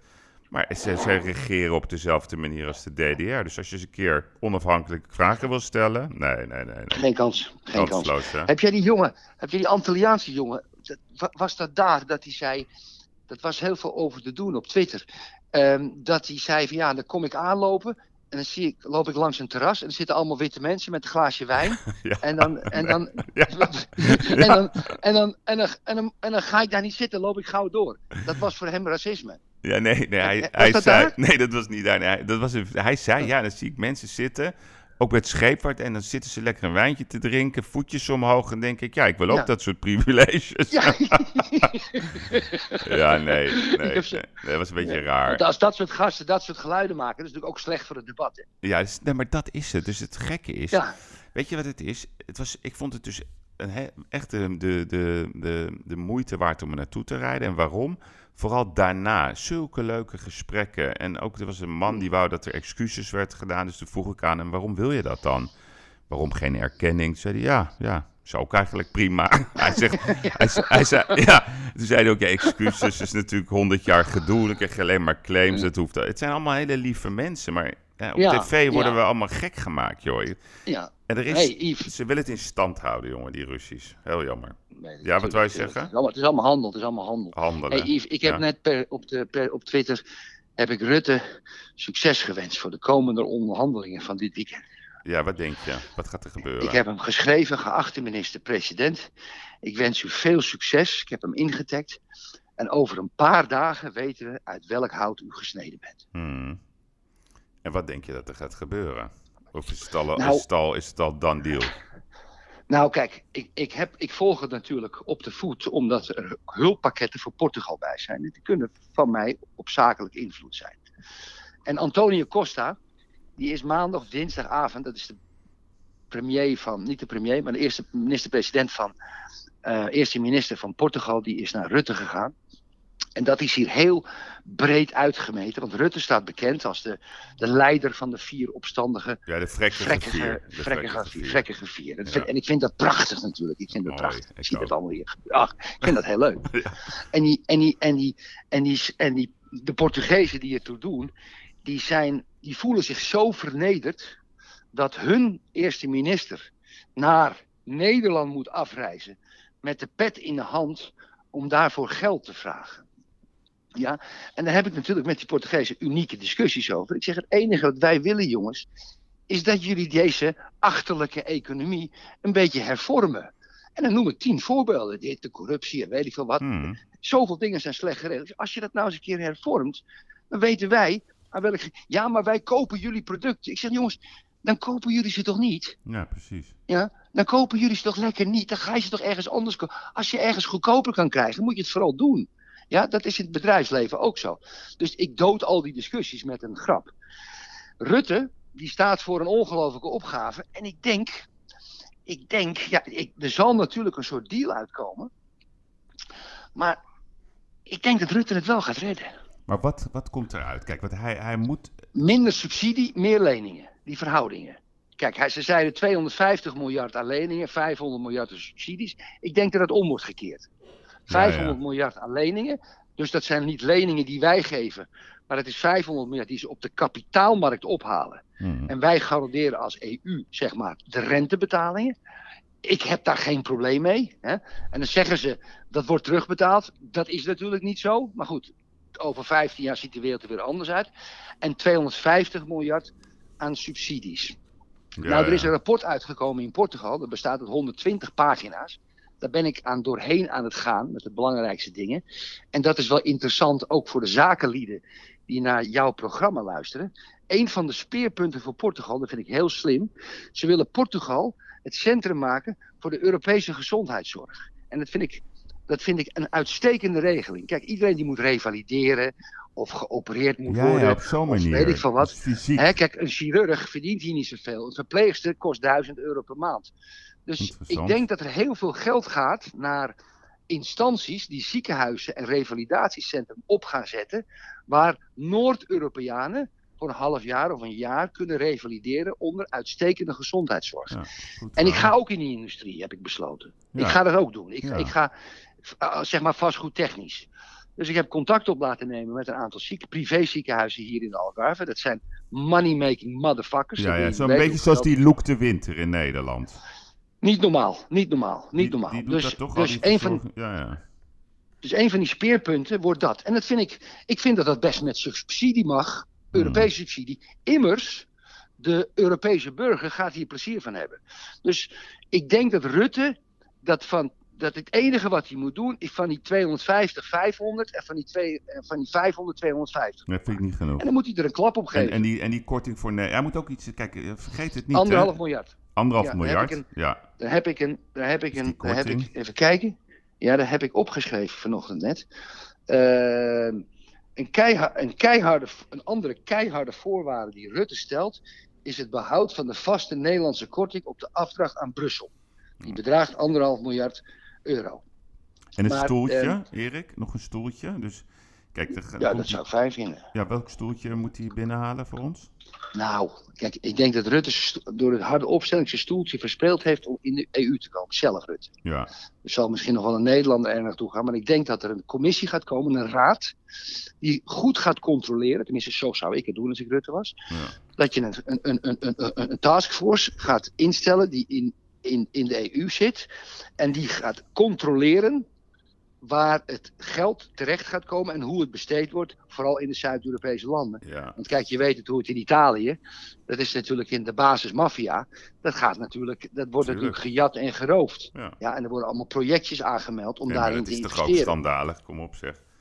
Ik Ja, maar dat is altijd zo geweest, Yves. Dat is altijd zo geweest. Nee, maar goed. Ik, ik denk de voorzitter van die taskforce, als hij dat binnenhaalt en, en die anderhalf miljard korting Ja. en, en die omkering, ja, dan denk Ja. ik dat dat het maximaal... Oké, we gaan het zien. Ja. Hey. Mooie job lijkt me dat trouwens. Ja, mooi hè? Ja, Het next. is moeilijk ook.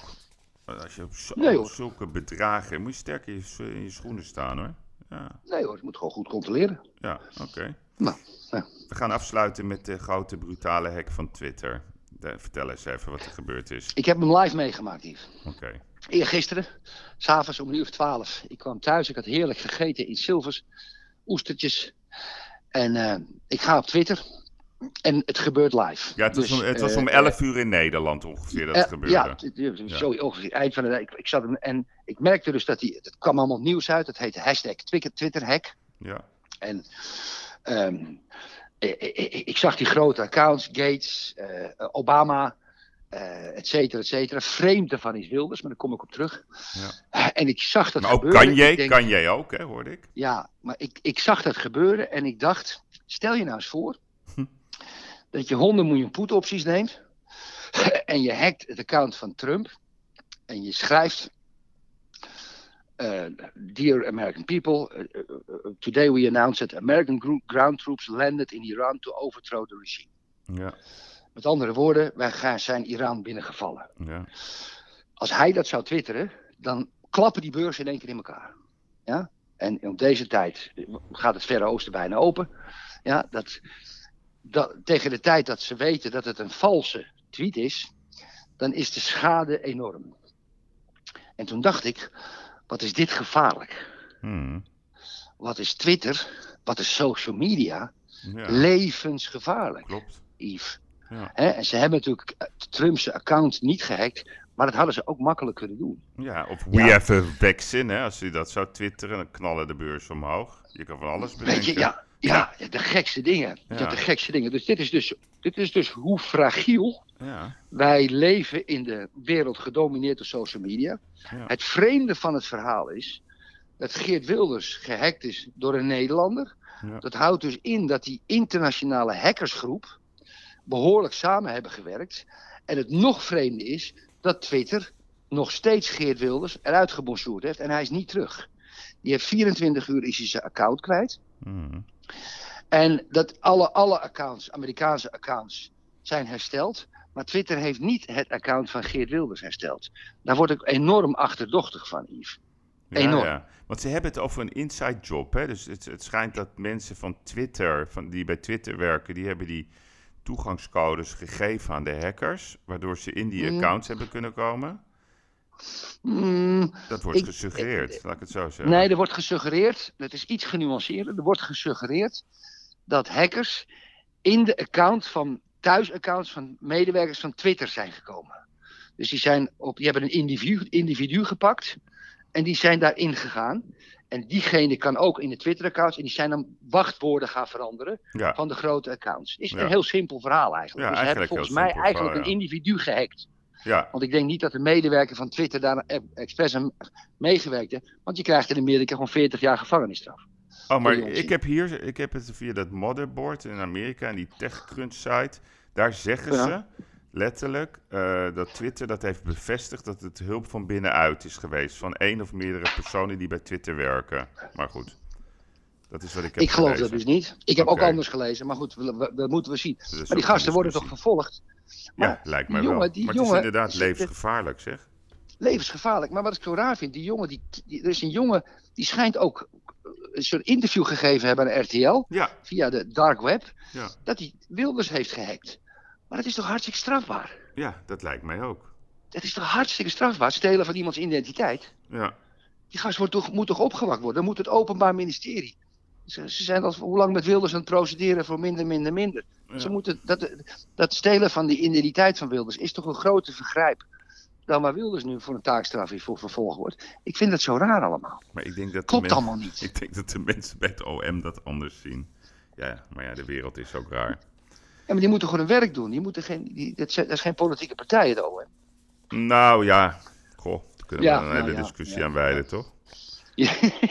Het breekt me de bek niet open. Breek me de bek niet open. Nou, helemaal goed. hey, en verder, wat ga je zo meteen doen? Ga je, ga je wat lekkers doen? Ga je lekker Er is een, zwemmen? eh, Nee, er is, een, er is een object, een hotel, vervallen hotel, hier vlakbij in Carfuero. Ehm, dat is eindelijk, dat probeer ik al vijf jaar te kopen. Dat is ehm, van de bank. Daar vragen ze nu 1,7 miljoen voor. Zeezicht. Prachtig ding. Ik wil dat kopen. Ik wil, wil dat al vijf jaar kopen. Alleen nu met corona ben ik een beetje bang. Hmm. Dus het is 1,7 miljoen. Ik denk dat ik mijn geld er uiteindelijk op kan verdubbelen. Dus als jij zakenrelaties hebt die voor 8,5 ton mee willen doen, hou ik me aanbevolen. Oké, Doen we het 50-50. oké, oké. Nou, dus het, is, Ja. het is gehoord. Als er een luisteraar is Ja. die dat ziet zitten, kan hij altijd even bellen. Dat is goed. Daarom, daarom. En jij krijgt natuurlijk een commissie ervan, want het bellen via jou. Oh, heerlijk, heerlijk, heerlijk. Verdien ik Zaken zijn zaken. zaken zijn zaken. Helemaal goed. Oké, was leuk. Gozer, fijn weekend. Dankjewel, vriend. Bye bye. Tot volgende week. Bye bye. Ja, dat was alweer eh onze podcastshow. We gaan eh, vandaag eh, afsluiten met eh, Karsten Klint. Hij heeft een paar eh, verrassende adresjes eh, voor ons uitgezocht. Ik denk dat u dat eh, heel leuk gaat vinden. Dat hoop ik in ieder geval. Dus ik ga vragen aan, eh, aan Karsten wat onze drie pareltjes van de week zijn geworden. Hi Yves, Goedemorgen, Karsten. Hi, jongen. is het, weer, is het weer de vrolijke noot? Was het allemaal heel serieus weer? Allemaal? Nee, was leuk. Ik had Ja? Dries Roelvink. Oh, kijk. Ja, die, die is vandaag bezig met zijn afscheidstournee. Omdat hij stopt met zijn column bij, eh, bij Sven Kokkelman op Radio 1. Dus dat is een hele, hele happening. Ja. En eh, ja, met Erik was het ook gezellig. Dus het is we, hebben het, we zijn vrolijk vandaag. Ja, we hadden jou gezegd, geen Michelin-restaurants vandaag. Maar gaat dat lukken? Nee. Ja, dat gaat natuurlijk lukken. Dat gaat natuurlijk lukken. En eh, ik, moest wel, eh, ik moest wel meteen eh, aan de bak natuurlijk. Ja. Maar ik heb drie hele, hele leuke zaken gevonden. De eerste zit in Amsterdam. Tussen de Jan Evertsestraat en de Postjesweg in. aan het Witte de Witplein. Hmm. En dat is restaurant Kien. Restaurant Kien, K-I-E-N. Die jongens die hebben allemaal verleden eh, bij bijvoorbeeld Vinkeles, een Michelinster. Ja. Een verleden, hè? dus het is geen Michelinster, maar ze hebben verleden bij eh, eh, eh, die zaak in De Dillen eh, van Dennis Kuipers. Eh, de andere compagnon die heeft een eh, verleden in de wijn. Ook eh, natuurlijk operationeel in de horeca. Mhm. En dat is een ontzettend leuke zaak eh, aan de Witte de Witplein. Ehm, En met wat voor een, soort keuken is het? Een keuken is eh, een, eigenlijk een beetje no-nonsense. Niet te veel eh, ingrediënten op het bord. Herkenbaar, betaalbaar en gewoon lekker. Eh, we hebben daar eh, afgelopen week, eh, maar meteen zijn we daar gaan eten, omdat ik natuurlijk die opdracht van jou had gekregen. Hmm. En wat, wat, wat echt eruit sprong, was eh, een, een vegetarisch gerecht.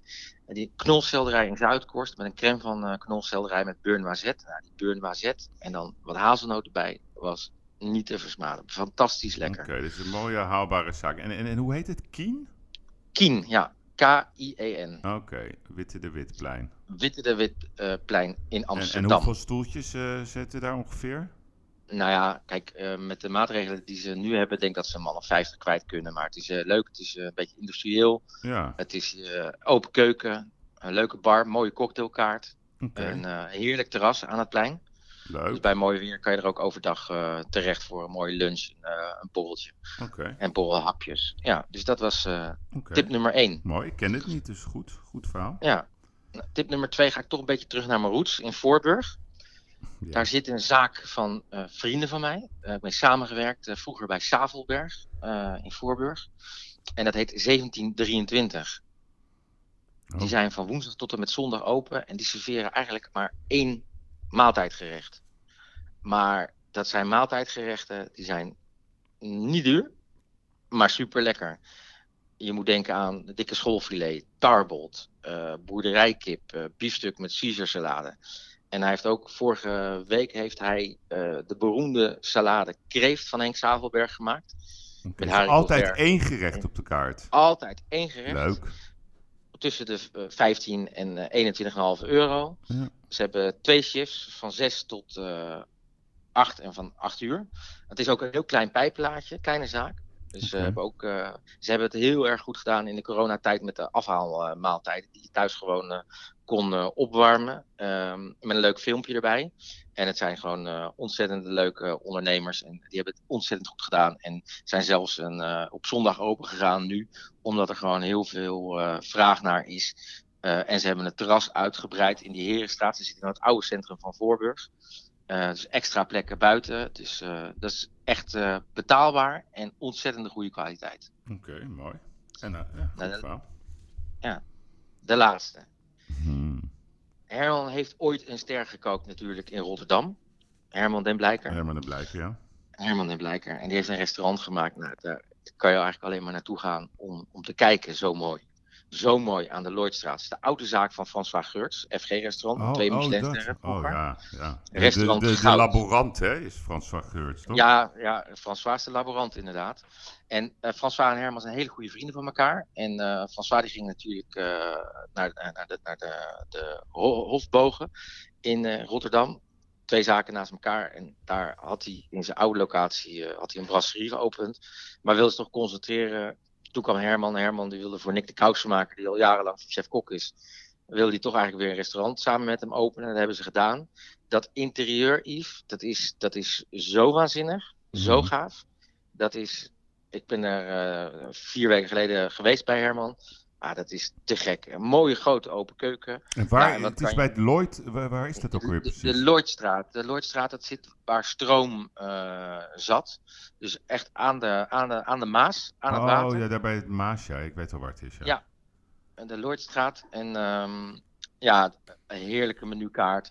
Natuurlijk heel veel eh, vis van, eh van Smitzeevis, waar Herman jarenlang eh, mee, mee samenwerkt. Maar ook natuurlijk het vlees van Piet van den Berg of van eh, Nice to Meat met eh, het beroemde Wagyu vlees of de Tomahawk. Of, ja, dus, ja, altijd een feestje daar Leuk, als je daar bent. En hoe heet Ja. het dan? Want het heet het Lloyd? Goud. Oh, goud. Nee, het heet, het heet goud. Het heet ook gewoon echt goud. Oh, goud, oké.